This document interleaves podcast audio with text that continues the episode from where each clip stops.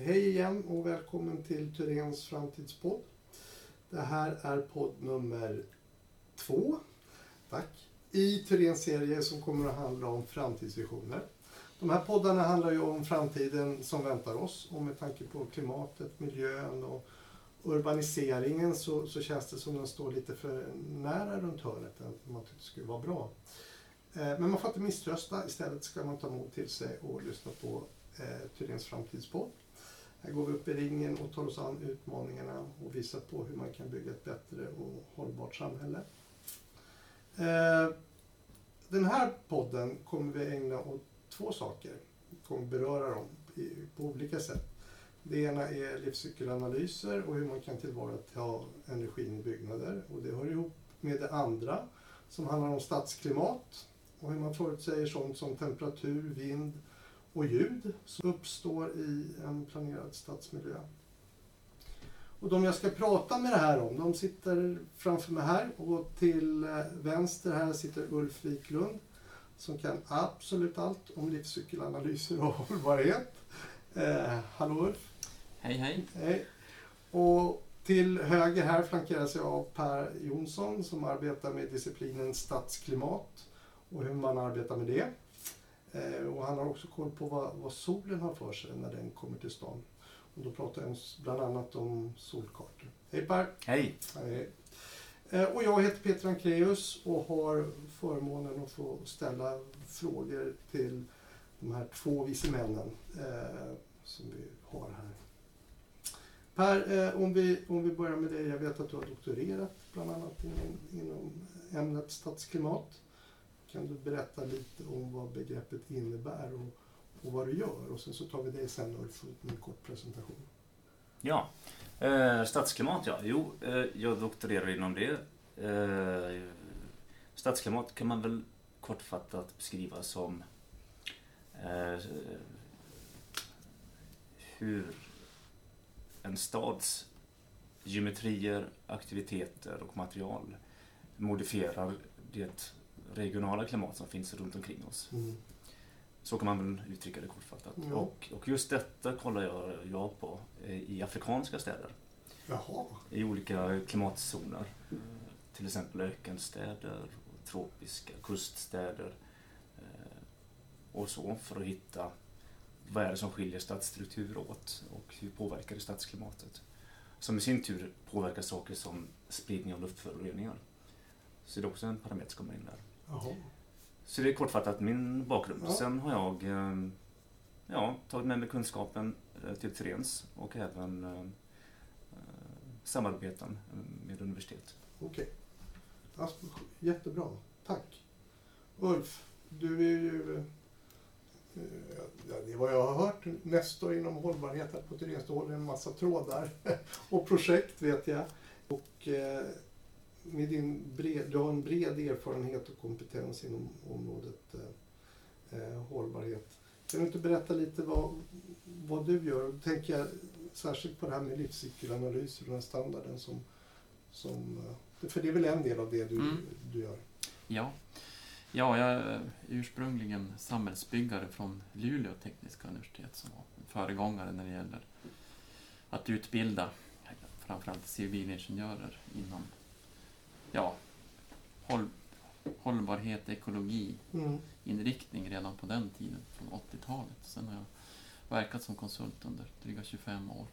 Och det här med livscykelanalyser, alltså det tänket, helheten med att eh, titta på miljöfrågan och klimatfrågan från vagga till grav, så att säga, från råmaterial via att eh, byggmaterial tillverkas till att det byggs eh, och att eh, byggnader, anläggningar också, att de förvaltas, drivs till att de så småningom någon gång i framtiden avvecklas. Ja. Det är liksom rätt sätt att se på miljöfrågan.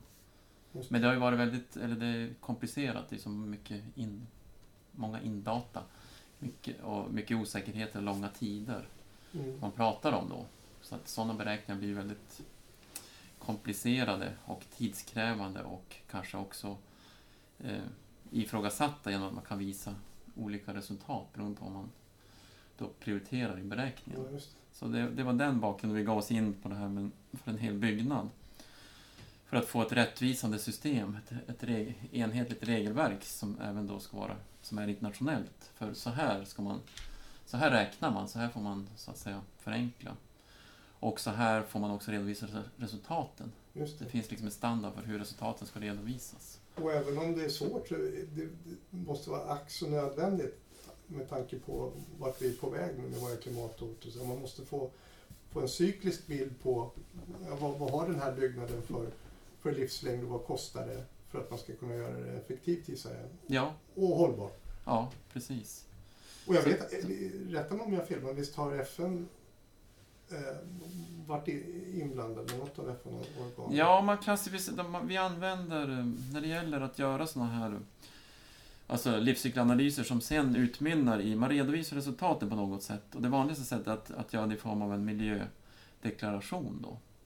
Och den indelningen för hur man eh, gör olika, om man då delar upp, man tar byggnader som exempel, då kan man dela upp det i en hel byggnad och sen olika byggnadsdelar. Mm. Så systemet för hur man delar upp och klassificerar objekten, så att säga, i det här fallet byggnader, det kommer från ett FN-system. Så, Ja. så är de involverade. Och där finns det, det, det klassningssystemet omfattar allt möjligt, alltså varor. Inte Mm. tjänster tror jag, men olika typer av produkter. Ja. Va- Varor och produkter kan man säga. Ja, anledningen till att jag nämnde det, det är ju att det känns hoppfullt. Så att, att, det, att det finns en, en global spelplan för det här och inte bara det är något som vi håller på att pyssla med uppe i, vårt hörn här i, i Norden. Eftersom det är, klimatutmaningarna är just globala. Så det, det är jättebra. Eh, klimat, klimatet och städer. Eh, om vi kommer in på det och solkartor. Eh, hur, hur, hur tror du att det, det du kan Per, att hur kommer det påverka eh, kanske pro- processen för hur man bygger? Alltså, den kunskapen som du har nu, eftersom Mm. den är ganska ny, jag, jag kan tänka mig att man inte riktigt har med det i tänket när vi, ja, men nu ska vi planera en ny stadsdel. Eh, är, är det så? Och, och, och om, om de som hör det här, om du får, får chans att sälja in det nu, det du kan, på, på, på, på vilket sätt kan du göra nytta? Eh, jo, här solkartorna som Trens producerar för 10-12 kommuner eh, hittills Mm. ungefär. Eh, tanken där det är ju att, att kommunen eller ett energibolag till exempel då, ska kunna ge information om eh, samtliga hustak och hur mycket solenergi som kan utvinnas på dem. Ja. Det är ju väldigt påtaglig och eh, rätt fram information att, att, att dela med sig av. Men man kan ju också, precis som du är inne på här, detaljstudera eh, områden. Att man tittar inte bara på befintliga hus utan man tar även in planerad bebyggelse i detta. Ja, Hus som inte finns alltså. Just Vänder och vrider på dem och gör solkartor på massa olika varianter för Ja. att hitta ett optimalt sätt att bygga just den här stadsdelen. Eller ett optimalt sätt att förtäta eh, den här luckan i staden till Ja. exempel. Så att eh, uppvärmning minimeras eller att eh, solenergiutvinning eh, på tak maximeras. Eh, Så den analysen kan man absolut göra. Och det tror jag är lite på gång och det är det som är själva kroken i det här erbjudandet tycker jag. Att man kan, man kan verkligen optimera sin stad. Att man Ja. kan säkerställa idag eh, för framtiden. Att, att, att man år 2020 tänkte på det här. För husen kommer ju stå kvar längre än vi kan eh, Mm. tänka oss idag nästan. Ja. Så att den enkla analysen tycker jag absolut är värd att göra på ett tidigt skede. Och eh, oftast är det nog så att det kommer in väldigt sent i processen så att man planerar klart, kanske 80 procent har en litteraturstudie visat som vi gjort. ja, Och sen kommer de här tänket in. Men hur ser vi med solenergi och sådär? just det. Och då är det för sent i Just det. princip. Då kan man liksom fixa till små detaljer på taket och sådär. Men Ja. själva orientering, höjder eh, och, och de här storskaliga strukturplanerna för ett område. Ja, det. Det saknas nog Ja. eh, emellanåt. Ja. Många tänker nog på det, men jag tror inte det är eh, kvantifierat eh, som är möjligt att göra. Både fasader och takytor och även ytorna mellan hus också för den delen. Mm.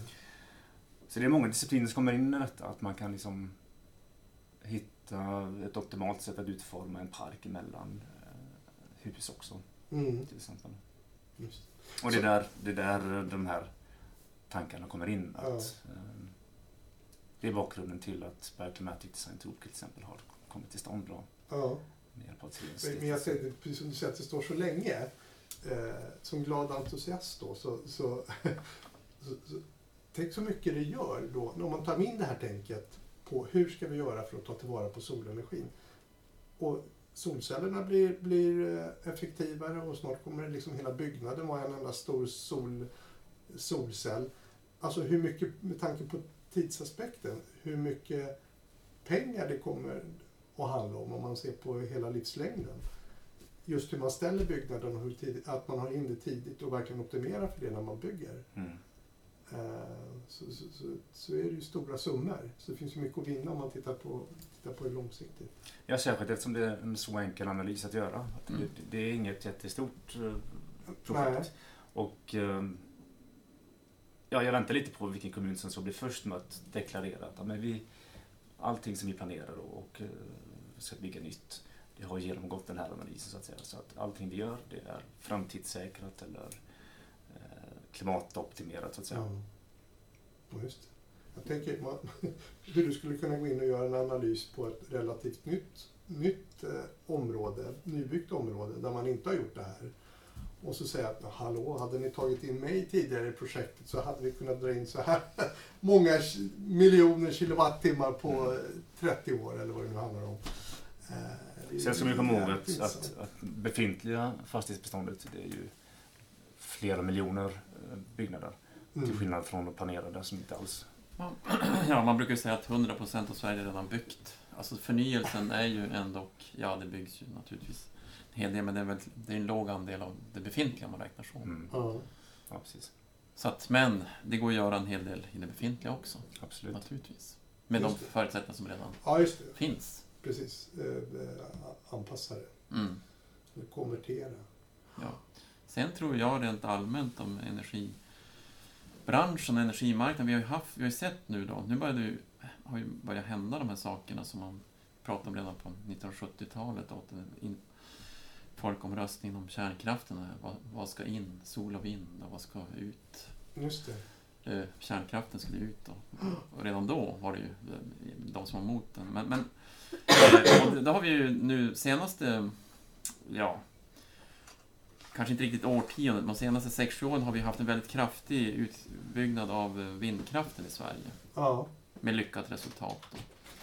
Och vi har ju för oss i Sverige så har det passat bra med att bygga vindkraft och sen har vi då vattenkraft som, för det blåser ju inte alltid så vi måste ha som en mot, vi måste ha något, eh, en motkraft också då, som kan producera, vi kan ta energin från när det inte blåser naturligtvis.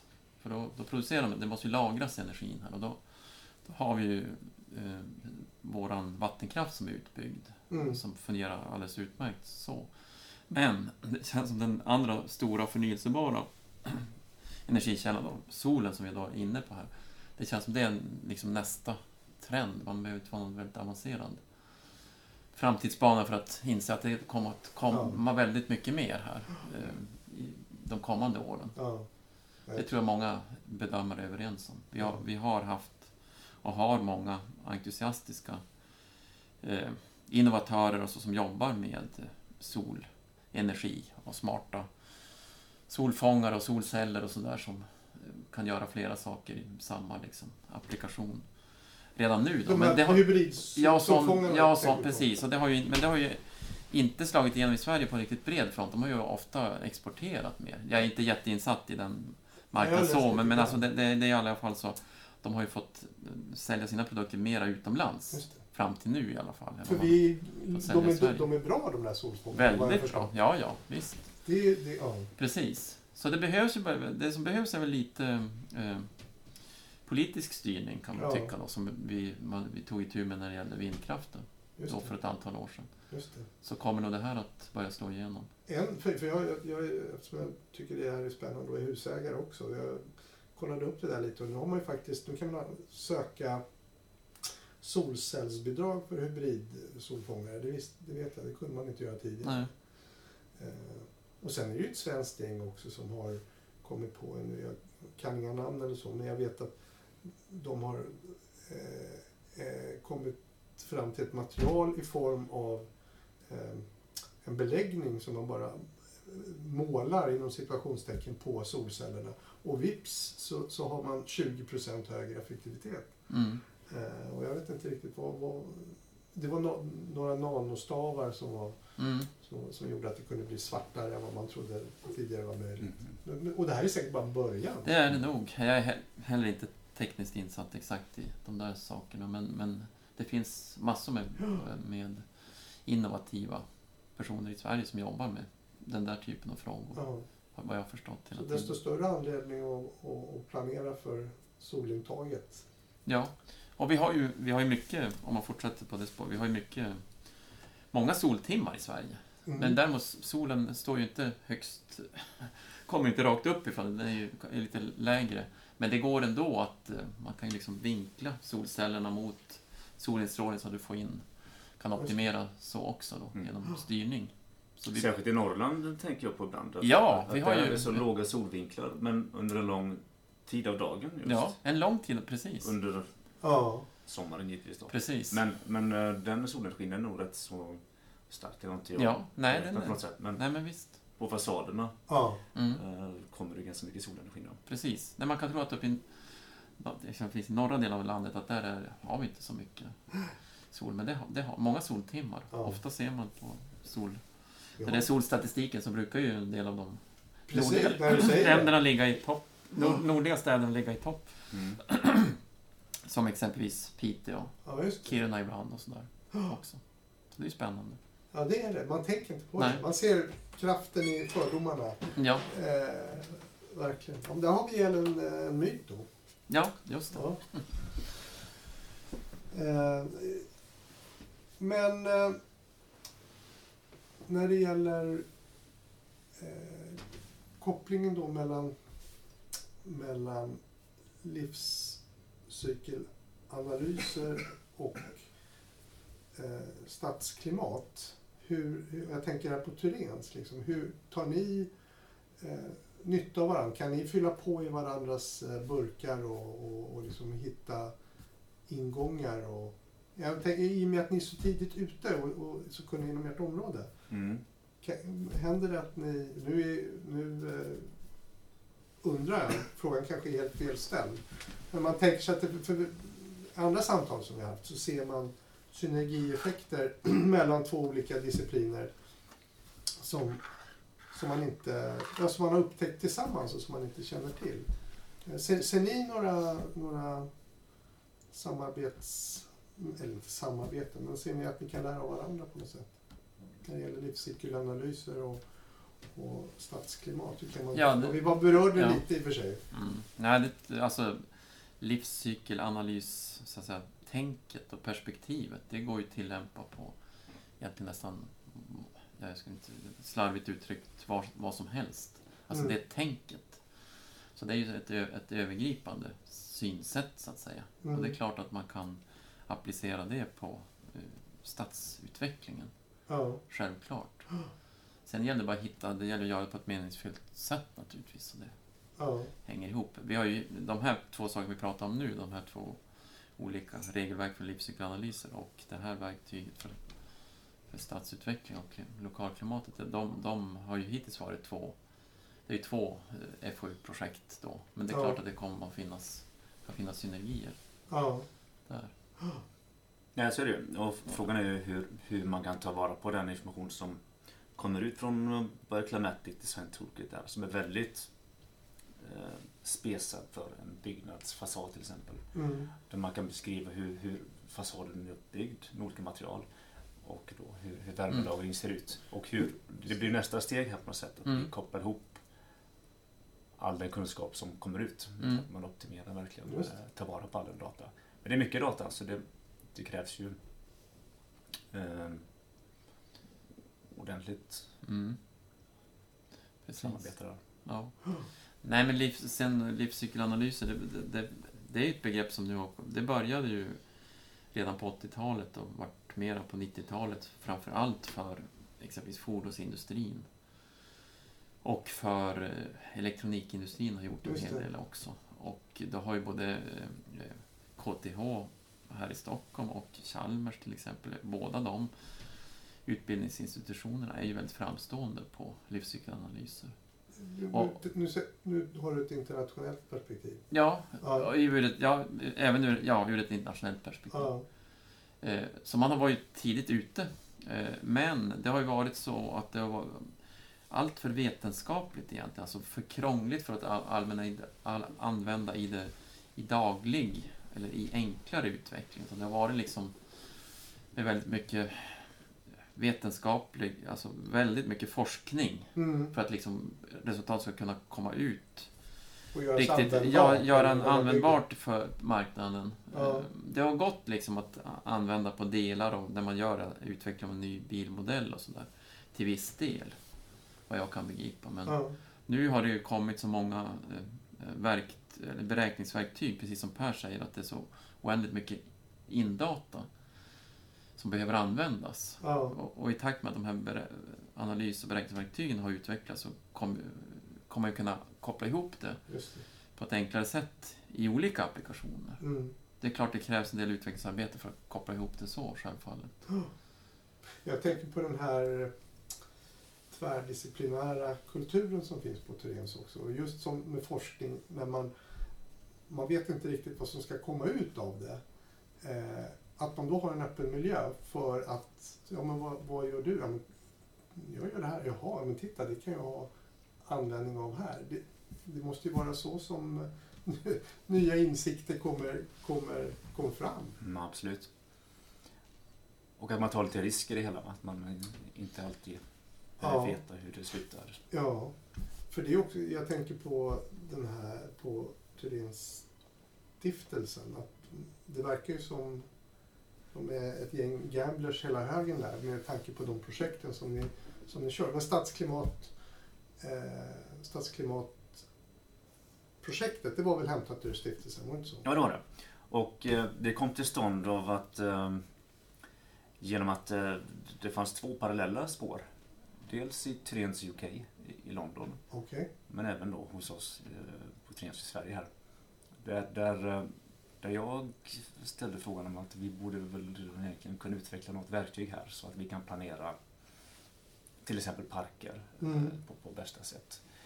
Eh, parallellt med den frågan så ställdes även eh, den i, i London också. Okej. Där man började utveckla detta då. Och då, då såg ju, då såg ju eh, vi att vi har samma tanke och då gjorde en gemensam ansökan till Ja. stiftelsen. Vilken beviljades då. Okej. Mm. Ja, Det är fantastiskt. Eh, Så, frå, så frågeställningen dyker upp lite varstans. Just, Ja. just att optimera bebyggelsen helt enkelt innan man börjar bygga. mm. Och eh, jag märker också att från åtminstone de större städerna i Sverige, där, där är frågan aktuell i, i, i planskedet. Mm. Att man, att man eh, vill gärna ha en lokal klimatutredning Mm. eh, innan man går vidare med en strukturplan. Mm. Det här med eh, livscykelanalyser och- hos Thorens, det dök ju upp redan då när vi började fundera på, eh, det var 2010, vi började fundera på hur vi ännu bättre ska tillvarata vår utveckling, våran, eller det hade vi funderat på tidigare också, men vi ver- verkligen satte oss ner och funderade på fullt allvar, eller ännu mer fördjupat på hur vi skulle eh, göra för att komma vidare där. Vi har ju, Thorens har ju varit kvalitets och miljöcertifierade väldigt länge, sedan Mm. 90-talet. Och vi har ju erfarenhetsåterföring och sådär. Men i byggbranschen är det ju lätt så att man betraktar varje... Vi jobbar ju projektvis hela tiden. Mm. Och att man varje gång man ska designa och göra en ny, en ny byggnad, exempelvis då, Mm. så är det som om man börjar med ritningen från, från eller med jobbet från, från början. Liksom. Man, naturligtvis har, Varje gång. varje person och varje arkitekt och varje konstruktör har ju sin erfarenhet som man naturligtvis har samlat och har då. Men det är ändå som om själva projektet börjar på Ja. allt för låg kunskapsnivå. Så vi, det var ju början till det här med våra plattformar som vi har. Nu är vi framme i ett läge där vi till och med har en, en central avdelning för att hålla ihop det här med det, det plattformstänket så att säga på Thorens. Och det var där då det här med livscykelanalyser kom in i bilden för att det är då det sätt man ska se på så att säga det indata som används i plattformarna. Ja. Så det har liksom gått parallellt, sen, och det är sedan 2010. Då. Och det utmynnar bland annat i de här internationella reglerna för hur man gör livscykelanalyser för byggnader. Då. Så det är den, den, den bakgrunden. Det, det är nog många branscher och många, många där man börjar om från början varje gång och är fullt medveten om det. Herregud, kan vi inte göra någonting åt det här? För det, det är ju så också, då får man ju mer tid till att, till att bli klokare liksom, om man Mm. inte behöver göra om små saker hela tiden. Nej, det blir liksom att varje byggnad betraktas som en, är som en prototyp, ja, unik Ja. på så sätt.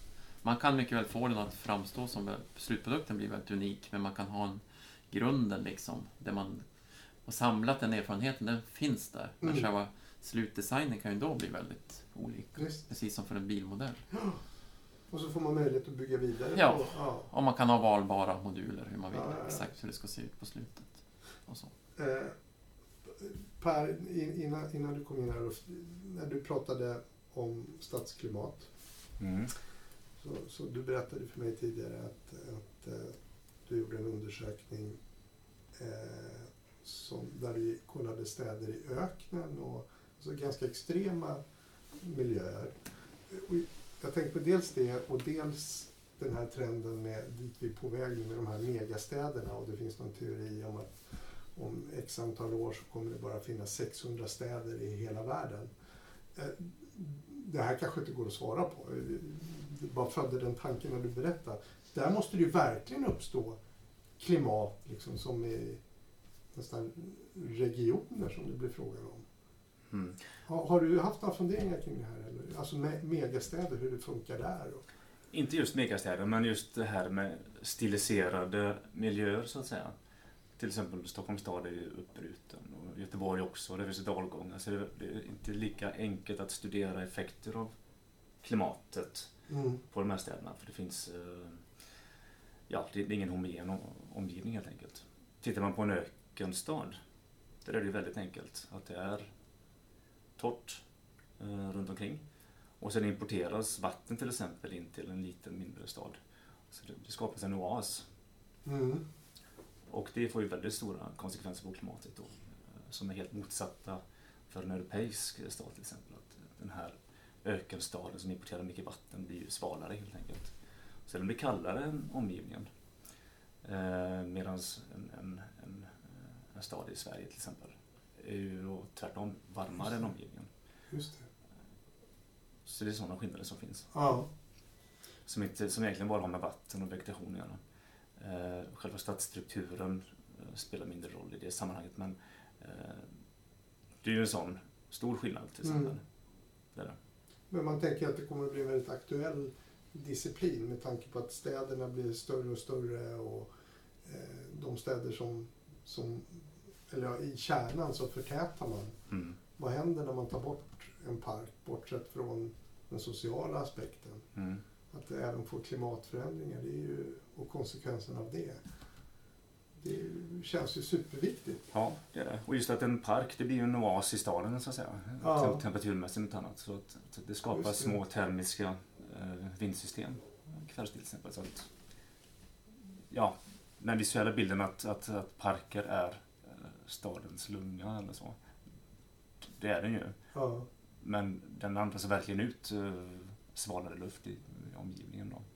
Så det finns sådana Men, små effekter inom staden också Men- som är mätbara. Alltså. Ja, ja, ja. Men väl så, väl så viktiga då, tänker jag. Eh, om man tar Kina med sina luftföroreningar.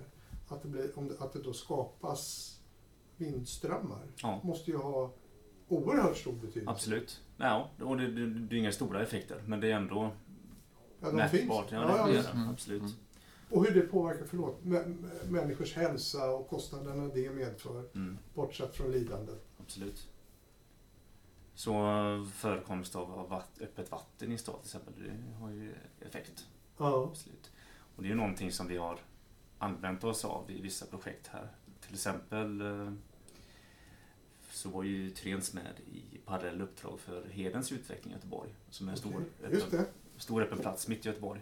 Eh, rätt unikt eh, från en storstad. Då. Och eh, i vårt förslag för hur heden skulle kunna utvecklas, då ingick lokalklimat som en viktig parameter i detta. Mm. Att man ska kunna modellera användningen av, av heden på ett sätt som gör att, att lokalklimatet optimeras. För just den här dagen till exempel. Vi vet att det kommer att bli storm om du ändrar om vegetationen så här och vi, vi, vi eh, justerar parken efter utifrån kommande väder till exempel. Ja. Eller kommer det en eh, värme, värmebölja. nu. Hur, hur gör man det? Ja, det, det, det, det får vi återkomma till. Ja. Exakt Det blir en annan podd. Men till exempel om det blir värmebölja. Då Ja. kan, då kan man liksom vattenfylla eh, en av fotbollsplanerna. Just Och så blir det, så blir det en, en vattenpark av detta. Och sen, och sen när det blir och så svalkar då dels de som besöker men även då hela, hela parken. Just Och sen kan man dränera bort vattnet när inte den här eh, temperatursänkande effekten behövs längre. Just det. De här små sakerna Och då målar man det svart istället för att man vill ha till sig. kan man tänka sig. Ja. Ja. Snyggt. Eller hur? Jag lär mig. På Heden där har jag spelat fotboll, fotboll. Ja. Förra århundradet. Så nu vet alla det. Ja, och där är ju Gotia Cup varje år. också. Just det, Jag har varit där två gånger. Ja, du ser. Nej, det är ju en viktig del även i fortsättningen där. Ja. Att det ska kunna finnas fyra, fyra fotbollsplaner. Mm. Jaha. Men frågan är då hur ska man även kunna ha alla andra saker? Och då var, det var förslaget att det ska vara så flexibelt som möjligt. Ja. Eh, Just med att man kan anlägga dammar och dränera bort dem och det finns en fotbollsplan under och sådär. Så det finns mycket, Ah. ja, det finns mycket spännande man kan leka fram ett lokalklimat också. Ja. Absolut. Det här med vatten, jag jobbar ju en hel del med vattenfrågan också gjort under de här åren. Och vatten, det har vi inte riktigt fullt ut med verktyget här kanske att göra, men alltså ja, vatten och städer rent allmänt. Alltså det vatten som kommer, om vi tar nederbörden som kommer uppifrån på en stad. Mm. Om, innan staden fanns där så var det ju mycket mer, större andel av det vatten som kom upp som bildade ett grundvatten under. Så det, en stad gör ju att man sänker hela grundvattennivån under. Och sen är det så mycket som snabbt avrinner på takytor och via de hårdgjorda ytorna, asfalterade Mm. ytorna och sådär. Så att vi får ju vårt dagvatten som man också kan betrakta som att man, staden tvättas. Och det dras ju med en hel del föroreningar och sådär Just det. där också. Så den hanteringen, att vi, vi har ju genom åren haft väldigt mycket mer trenden åt att vi sett vattnet som ett problem att bli kvitt, så att säga, och få transportera bort från staden. Just det. Eh, medan vi egentligen borde tillvarata vattnet, det vi var inne på här, till exempel Ja. på Heden, dess möjligheter. Och då finns ju begreppet lokalt omhändertagande dagvatten, det är inget nytt, det har funnits ända sedan 80-talet, så att vi försöker tillvarata och när du, att man, man, man, man tillåter det att få bli så att om det kommer ett kraftigt regn och åskskur, då får vissa områden svämma över liksom, så man får och, och bilda det här grundvattnet. För det är Just ändå det. inte så mycket människor ute när det är ett sånt dåligt väder, åskskuren. Och så sen när det då solen kommer igen, då, då får det liksom avrinna och sjunka ner. Och ta sig ner. Ta sig ner och rinna i dikesystem och sådär. Så att det får bildas liksom tillfälliga sjöar och sådär. Ja, översvämningsområden. Ja, just Det det. är ju det, det är inget nytt, men har, den trenden har blivit tydligare eh, i stadsplaneringen. Just det. Att Jag tänker på som vanlig, vanlig medborgare så tänker man inte alls på det. Men det kanske är något man gör då med x antal år. Ja, nu snöar eller nu regnar det jättemycket. Okej, då, blir det, då blir det en vattenansamling Mm. om den är på Heden eller Sergels torg, vad vet jag. Eh, att man är medveten och ser det som en tillgång. Mm. Det är ju lite... Ja, nu kommer ju som i Hedens fall här, alltså om det är riktigt varmt måste man då till, det lär ju knappast komma åskskuren eller, ja det kan det göra. Om det, så, man inte behöver liksom tillföra vattnet så, eh, Ja. utan det man tar det som kommer i form av neder. Det kan ju komma, det kan för all komma en åskskur då, det kan det mycket väl göra. Jo, tack. Jo, kommer, till, till exempel, det Ja. kommer diverse nederbördsformer i ja, Göteborg. ja. Mm. precis. Mm. Nej, men det gäller att kanske bli lite, det är väl en smartare stadsutveckling då. Ta tillvara Ja. på naturens klimatförändringarnas skiftningar, eller hur man nu ska uttrycka Just det. det. det. Det växlar ju snabbare, klimatet. Från sol till regn. Och blir mer dramatiskt. Och blir mer dramatiskt, precis. Eh, så att eh, det blir ju jätteviktiga frågor. Jag ska försöka sammanfatta lite och avsluta.